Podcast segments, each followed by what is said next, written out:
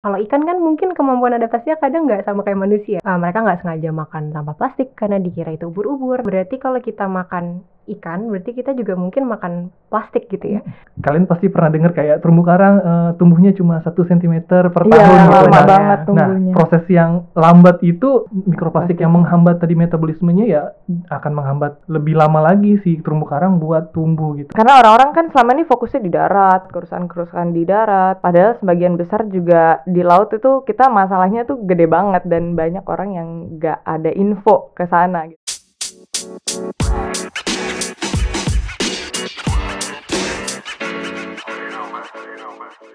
Halo Sobat Lingkungan, namaku Tenia. Dalam beberapa episode ke depan, aku akan nemenin Sobat Lingkungan sekalian ngomongin tentang laut.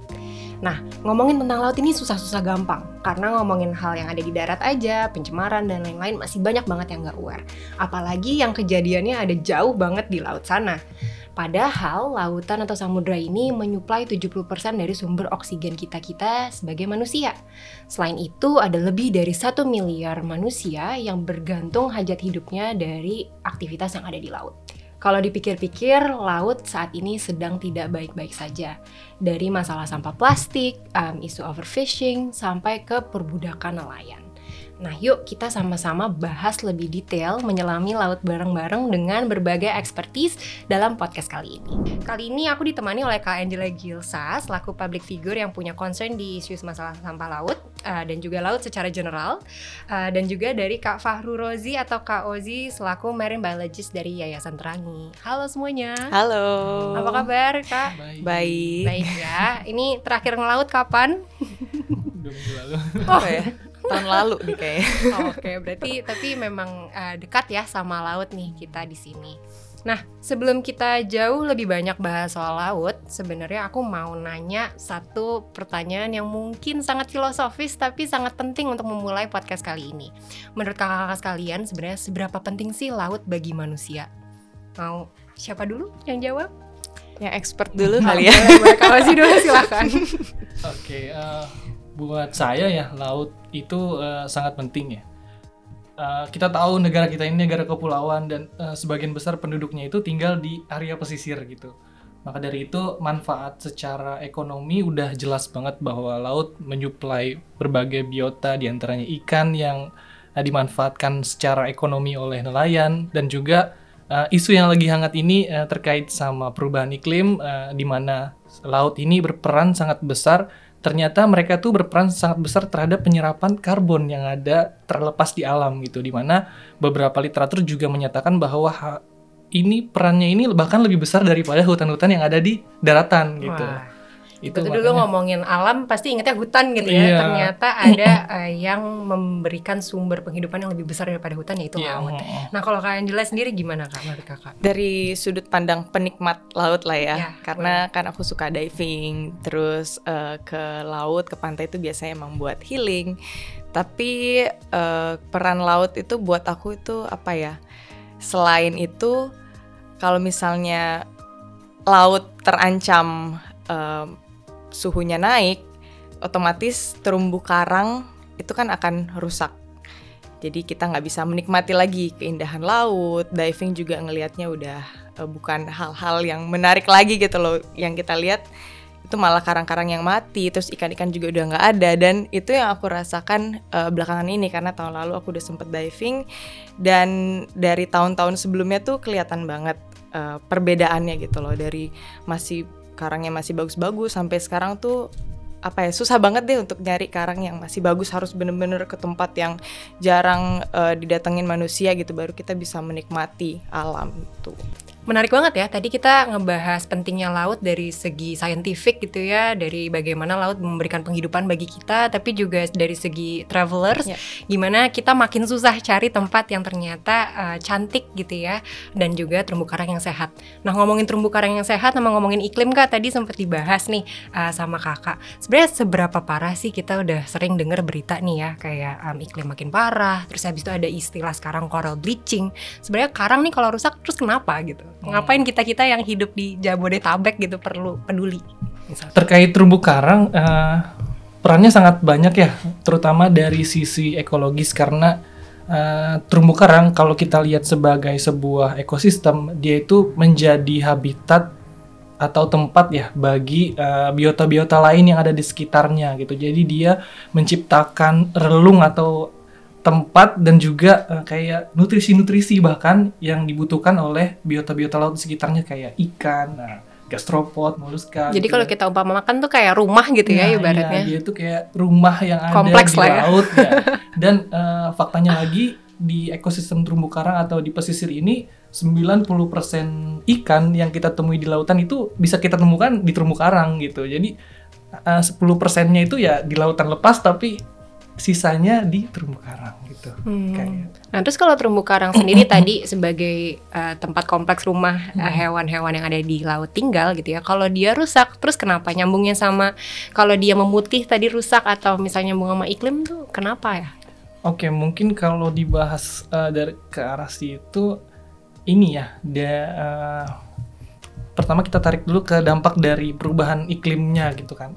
Uh, saat ini kan dampak dari perubahan iklim udah banyak contohnya terjadi kayak cuaca ekstrim, uh, suhu meningkat gitu di mana uh, beda dengan biota-biota lain nih kalau ikan kan uh, mendapatkan ancaman dia bisa mobilisasi gitu, dia bisa pindah tempat ke uh, lokasi lain yang mungkin uh, terhindar dari ancamannya dia. Beda dengan terumbu karang gitu, dia nggak bisa mobilisasi. Kalau dapat ancaman uh, berupa misal suhu uh, suhu permukaan lautnya naik tinggi, otomatis si terumbu karang ini harus merespon gitu langsung uh, terhadap kenaikan suhunya dengan cara uh, dia uh, melepaskan salah satu sumber nutrisi terbaiknya dia yaitu alga zooxanthelle gitu.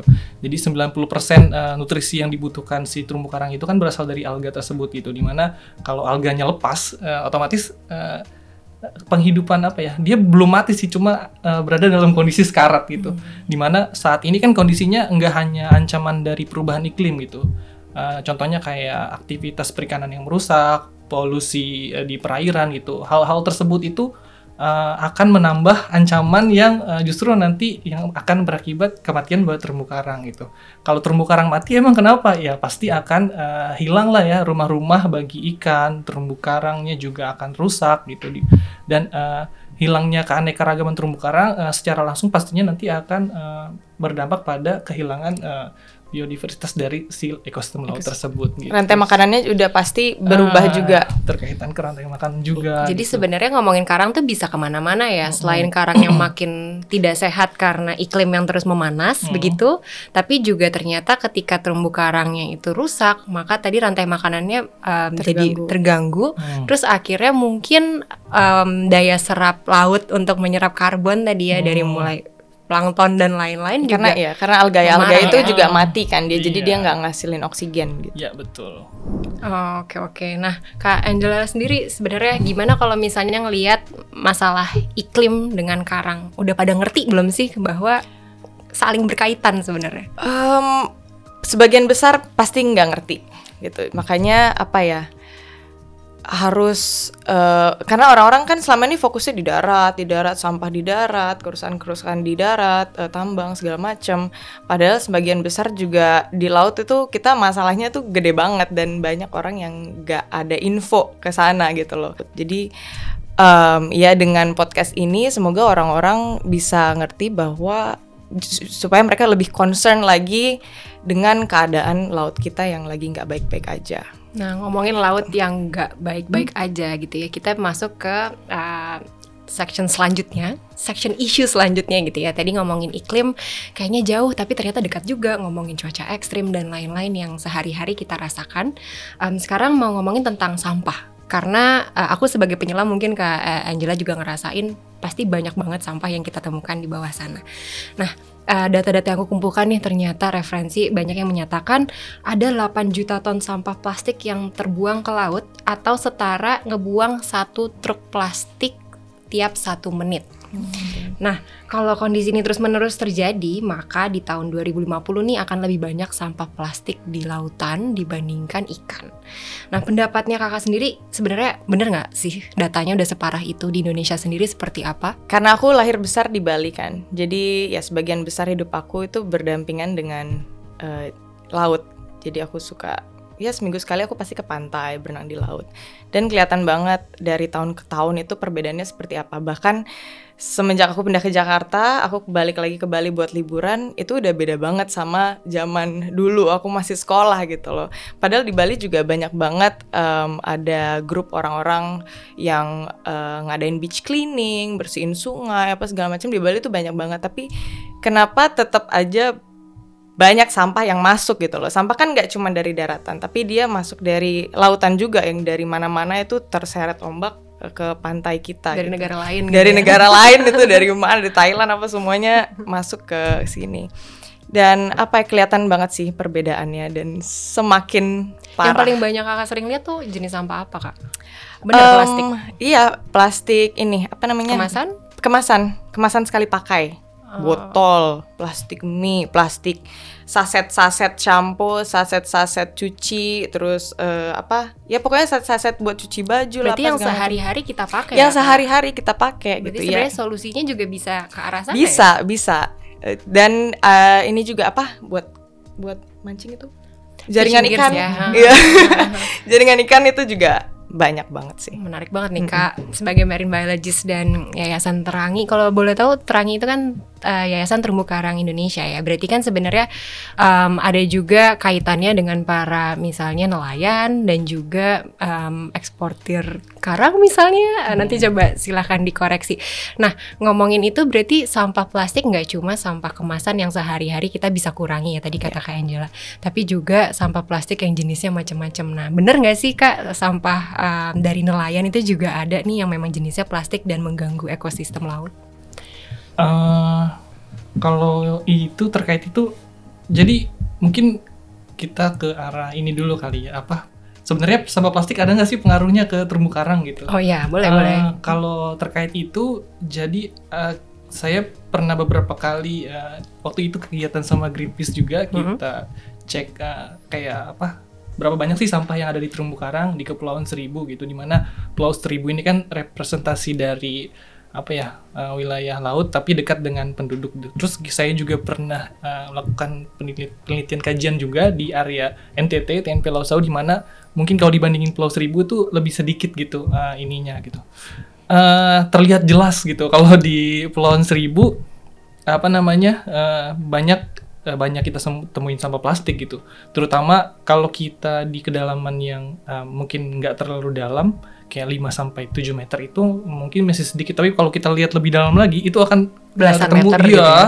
itu akan ketemu lebih banyak lagi sampah gitu berbeda dengan eh, lokasi eh, berikutnya yang ada di NTT yang pernah kita lakukan juga gitu kita sampai eh, uji-uji analisis regresi gitu sampai keterkaitan ya Apa tuh jelas regresi itu kak? kayak jelas banget hasilnya gitu kalau di NTT yang eh, apa namanya jauh dari penduduk Mm-mm. eh, eh, apa ya kayak nggak ada keterkaitan antara sampah plastik dan terumbu karang tapi kalau yang di dekat penduduk itu oh, udah jelas sekali gitu. Oh, keterkaitan antara karang dengan? Eh, ter- eh, dengan sampah plastik mohon Oh, maaf. jadi kayak aktivitas si uh, nelayan ataupun para masyarakat yang tinggal dekat pesisir atau banyak sungai itu mempengaruhi ke banyaknya sampah yang ditemukan di bawah lautnya iya, ya? betul. Oh, oke. Eh, si eh, berpengaruh apa enggak sebenarnya? Eh, berpengaruh banget gitu. Karena kan terumbu karang ini kan eh, selain tadi dia makan eh, beberapa kayak plankton yang ada di laut dia juga kan berfotosintesis di mana kalau plastik itu nutupin Nutup, si iya. terumbu karang dia akan eh, menghambat proses itu kan gitu. Gak bisa kena matahari Matahari, gitu Nah, ya? Sebenarnya kalau kayak sampahnya kecil-kecil itu si terumbu karang masih mampu bisa beradaptasi gitu. Kayak nantinya saya pernah lihat beberapa sampah plastik dia diselimutin sama si terumbu karang gitu. Jadi malah Hmm. si sampah plastiknya jadi Dijadiin media rumah. Iya, jadi medianya si karang gitu. Tapi uh, itu kalau sedikit gitu. Tapi kalau misalkan uh, apa namanya plastiknya datang terus terus terus Iya. ya pastinya siapa yang mampu bertahan gitu kalau kondisinya kayak gitu terus gitu. Iya.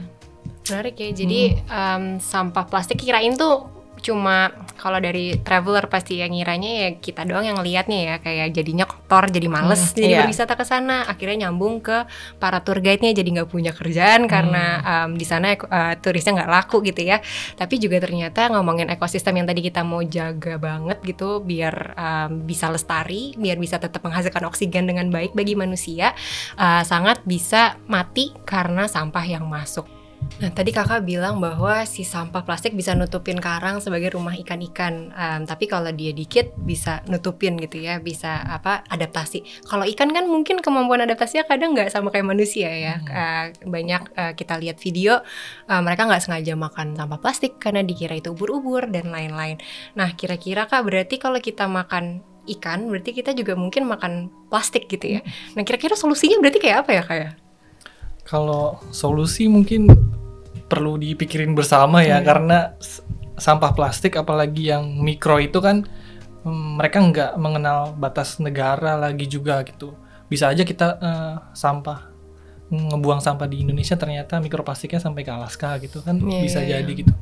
Tapi yang eh, emang menjadi concern terangi saat ini gitu kan eh, mikroplastik ini eh, kan ukurannya hampir sama kayak ini ya makanan karang gitu plankton plankton yang dimakan karang gitu justru kalau mikroplastik ini terbawa arus gelombang dan sampai ke terumbu karang eh, dia kayak eh, buat si ekosistem terumbu karangnya itu justru akan kayak menghambat pertumbuhannya mereka gitu bahkan di beberapa kasus literatur yang saya baca eh, berdampak me- akan menjadi bleaching ya akan membleachingkan si terumbu karang itu sendiri Jadi gitu. putih gitu ya karangnya. Iya, karena um, mikroplastik itu kan nggak bisa dicerna sama si tubuh si karang gitu, masuk ke kayak apa organisme kecil gitu Hmm. yang saluran pencernaannya nggak komplit masuk uh, mikroplastik, ya proses metabolismenya mereka akan terhambat gitu.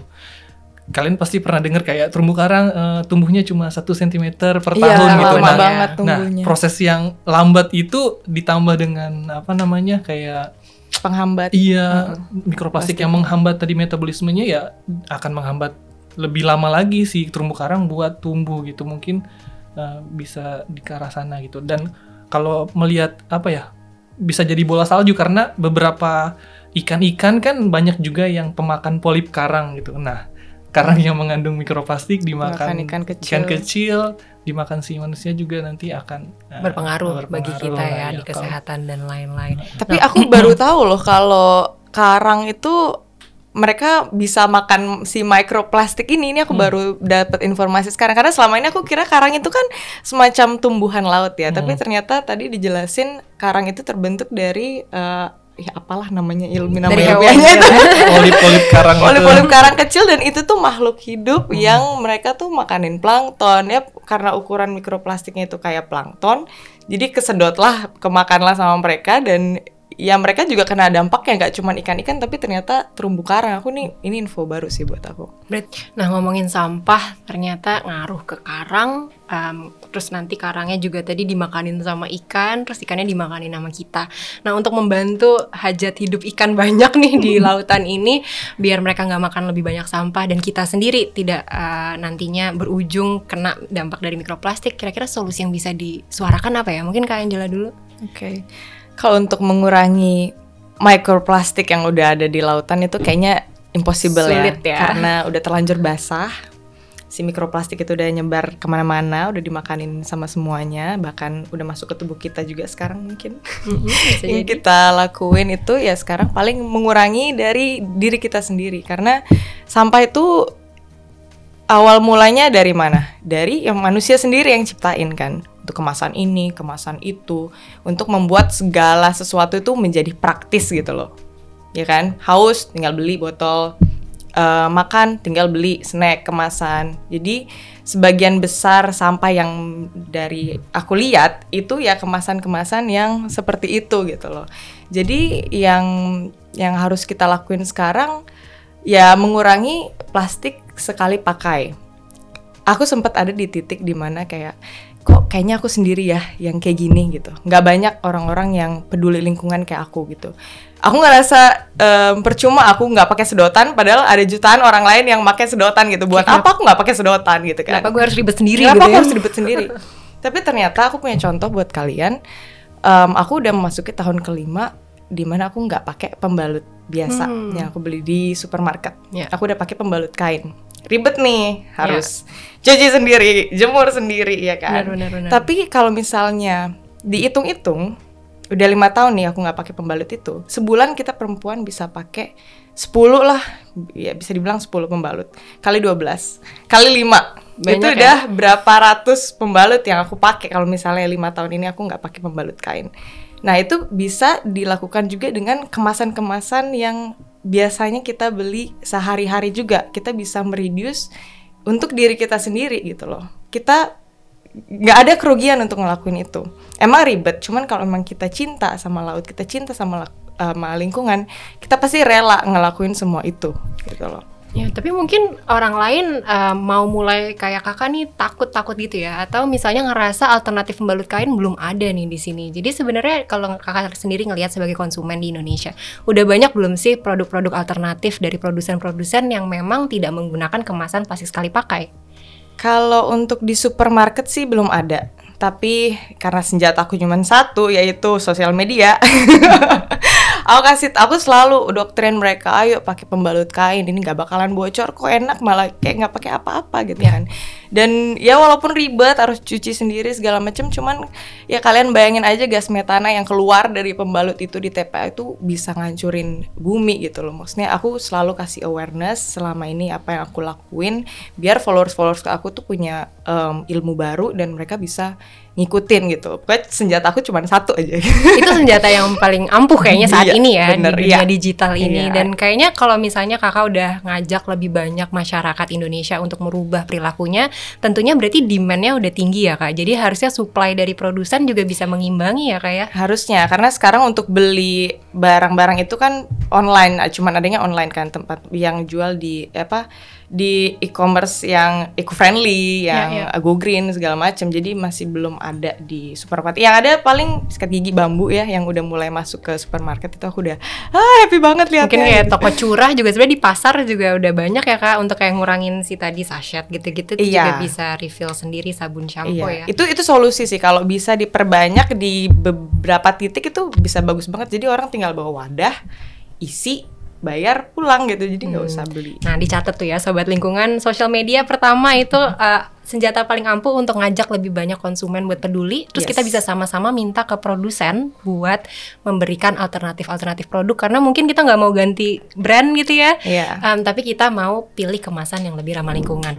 Nah, Kawazi, kira-kira kalau ngomongin tadi sampah plastik yang ditemukan di laut sehari-hari dalam kegiatan kakak, um, solusinya memang cukup seperti itu atau ada kira-kira solusi lain yang perlu kita inovatifin? Hmm, kalau terkait solusi sampah plastik di laut ya, uh, tadi saya jadi ingat uh, untuk uh, jadi beberapa kegiatan kita yang sebelumnya udah saya singgung di belakang terkait dengan sampah plastik, kajian kita terkait sampah plastik, ya. terutama di, di NTT ya, NTT ya, hmm. yang uh, di mana lokasinya itu benar-benar kayak virgin gitu, nggak ada hmm. apa namanya jauh dari penduduk gitu.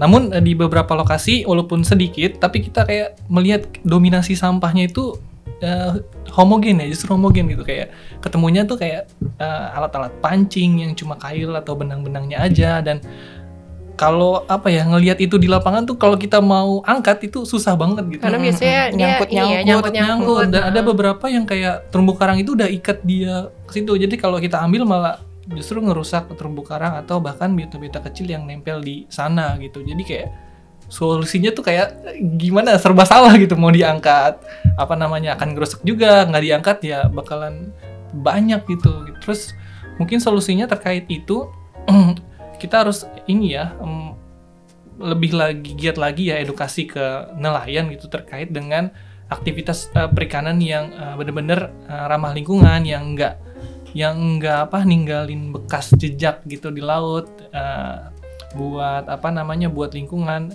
di mana sedikit aktivitas kayak gitu aja uh, sebenarnya bisa berdampak banyak itu buat si terumbu karang. Mungkin kayak gitu kali ya. ya uh. Jadi dari mulai sebenarnya aktivitas kayak clean up tuh membantu kita buat ngelihat lebih jauh sebenarnya sampah apa sih yang ditemukan hmm. dan salah satunya ternyata bekas-bekas sampah jaring-jaring hmm. perikanan ya.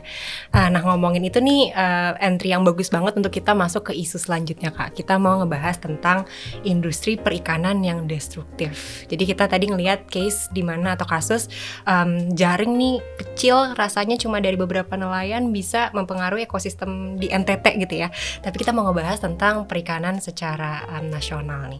Uh, sesuai namanya nih destruktif berarti stok ikan mungkin hampir habis karena uh, keserakan manusia yang melakukan overfishing atau perikanan yang mungkin berlebihan ya yang tadinya kita nggak butuh sebanyak itu tapi ternyata diambilnya sangat banyak. Nah dari situ bisa juga ke mana-mana dari mulai misalnya uh, minyak yang tumpah um, dari si kapal-kapalnya sendiri. Terus habis itu juga hewan-hewan yang tadinya dilindungi yang memang dilindungi jadi ikut tertangkap gitu ya dan jadi akhirnya ikut mati.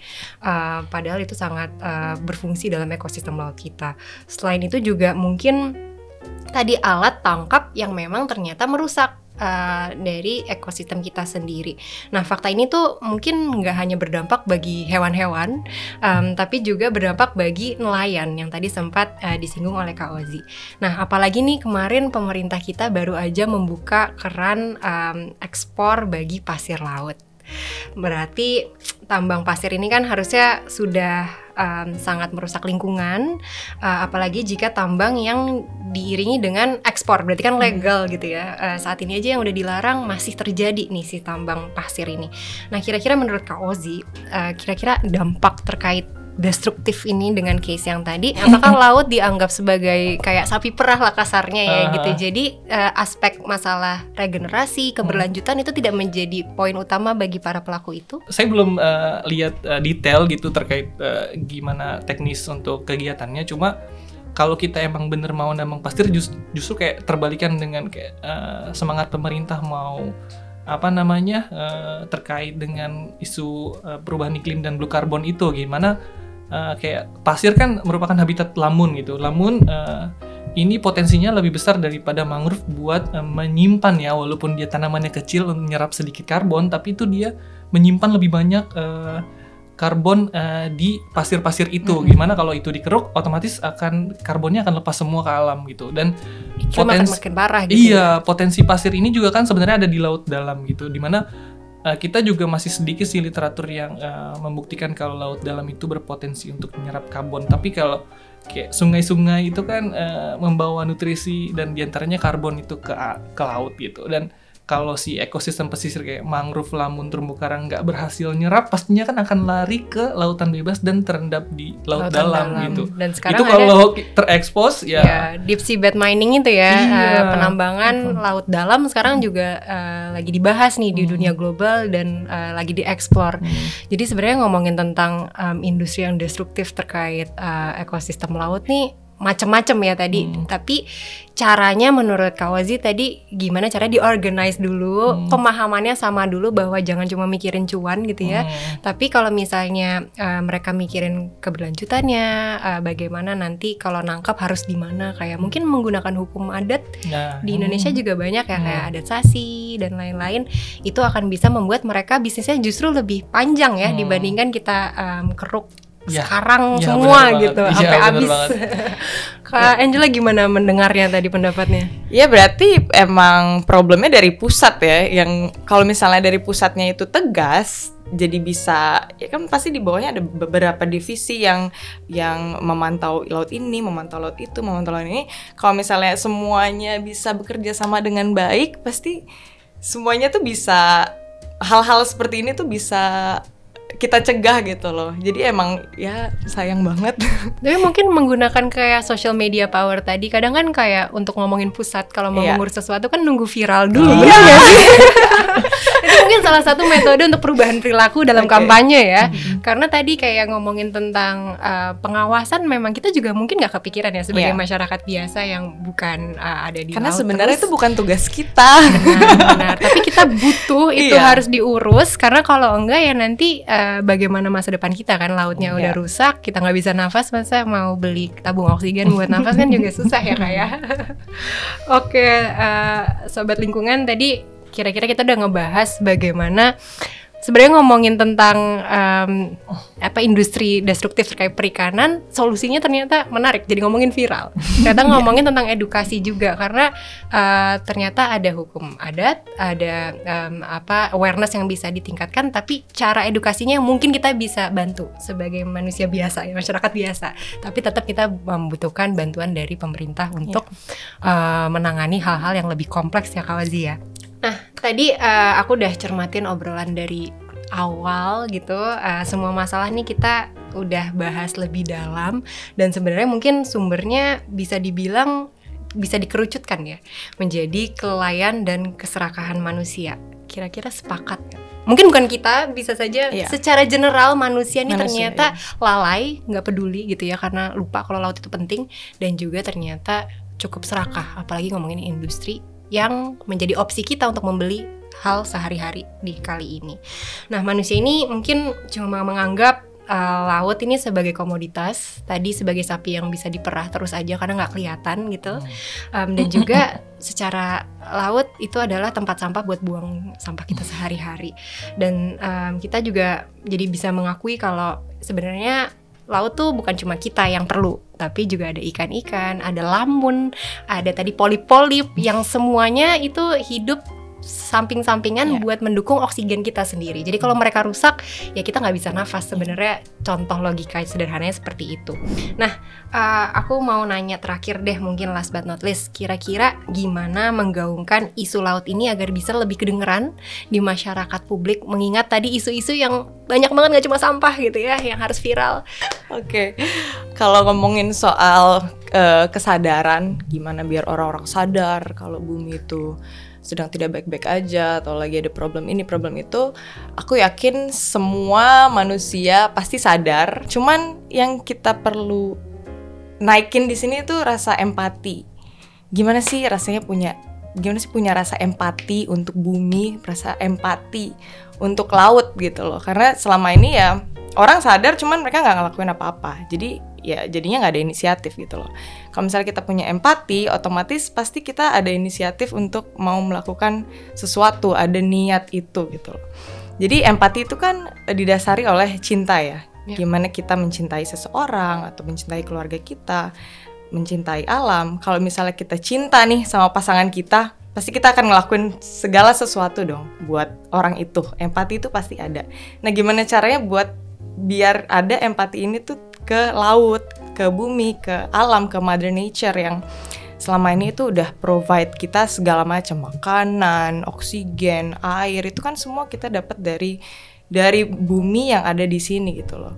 Nah kita sebagai satu-satunya makhluk yang dikasih akal sehat kok nggak mau sih berkontribusi gitu, nggak mau uh, balas kebaikan yang bumi udah berikan ke kita. Nah rasa empati itu yang harus orang-orang keluarkan ya dengan cara menyatu dengan alam kalian ke laut jangan cuman healing, jangan cuman ya berenang-berenang happy-happy, tapi perhatikan apa yang mereka butuhkan, uh, kenapa kenapa bisa kotor, kenapa bisa ini, kenapa bisa itu, pelajari gitu loh. Kalau misalnya kita cinta sama seseorang, kita pelajari dia dong, dia maunya apa, dia sukanya apa, ya kan? Sama halnya seperti ini. Jadi untuk membangun empati itu, rasa cinta terhadap lingkungan itu emang harus dibangun. Harus dipupuk gitu ya. Harus Untuk dipupuk. mencintai seseorang harus dipupuk. Betul. Gitu ini ya. Oke, Kak Angela, thank you. Kalau Kak Wazi sendiri gimana mau nambahin apa? Uh, kalau saya ini ya. Uh, jadi keinget dulu waktu zaman zamannya kuliah gitu sebelum uh, terjun aktif di bidang ini gitu kayak uh, pupuknya udah dapet gitu cintanya udah dapet mm. cuma kayak ini salurinnya ke mana ya gitu kayak yeah. kayak nggak punya channel untuk itu gitu mungkin kalau dari situ saya bisa bisa kasih apa ya uh, masukan mungkin teman-teman yang udah punya itu gitu dan pengen nyalurin semangatnya mm -hmm. ya bisa juga bergabung ke eh, mungkin ikut internship ke Greenpeace atau Terangi juga bisa bukain tuh terus kayak aktualisasi diri kalian karena kan dengan uh, menyelimuti diri kita dengan orang-orang yang uh, tepat gitu iya ya? tepat dan punya persepsi persepsi sama. sama kita akan uh, bisa apa ya bisa lebih efektif, lebih semangat iya lebih semangat sebenernya. lebih efektif gitu. Kegiatannya akan lebih bagus gitu. Ah tadi menarik banget ya sobat lingkungan. Tadi kita ngomongin tentang isu-isu laut yang sangat kompleks berujung ke solusinya menarik banget cinta gitu ya memupuk cinta dan itu bisa dibangun bareng-bareng dan nggak cuma harus marine biologist aja tapi semua orang bisa berkontribusi merubah mindset uh, masyarakat Indonesia yeah. untuk membantu uh, masalah uh, laut ini dan juga tentunya tadi ngomongin um, solusi ternyata bisa juga masuk ke dunia bisnis gitu ya hmm. tidak hanya ngomongin tentang um, apa namanya NGO atau aktivisme gitu tapi sebenarnya industrinya sendiri butuh ide-ide fresh dari ya. sobat lingkungan yang mungkin punya uh, idea gitu ya setelah hmm. dengerin ini oh kayaknya menarik nih bikin uh, alat tangkap ramah lingkungan hal iya. hal-hal yang kayak sabun gitu. organik shampoo-shampoo yang dari botolnya bukan plastik gitu kan dan masih besar banget ya peluangnya ya. karena kita membutuhkan alternatif-alternatif produk itu di sehari-hari kita di seluruh Indonesia. Hmm. Ah, thank you banget Kak atas waktunya dan teman-teman sobat lingkungan itu tadi kita seru banget ya ngebahas bagaimana isu kompleks masalah laut um, dengan cara yang sangat sederhana dan tentunya tadi ngomongin sedikit tentang nelayan banyak banget kita singgung makanya tetap nonton podcast kali ini karena di episode selanjutnya kita akan bahas lebih banyak terkait kepelikan nelayan dan perikanan di Indonesia yang tentunya butuh kontribusi sobat lingkungan sekalian untuk beraksi bersama bareng kita. Oke, okay, dan jangan lupa tonton terus podcastnya baik di YouTube maupun dengerin audionya bisa di Spotify atau channel lainnya. Dan sampai ketemu di podcast selanjutnya dan jangan lupa untuk terus mencintai ibu bumi. Uh, terima kasih sekali lagi kakak. Thank you, thank you so much.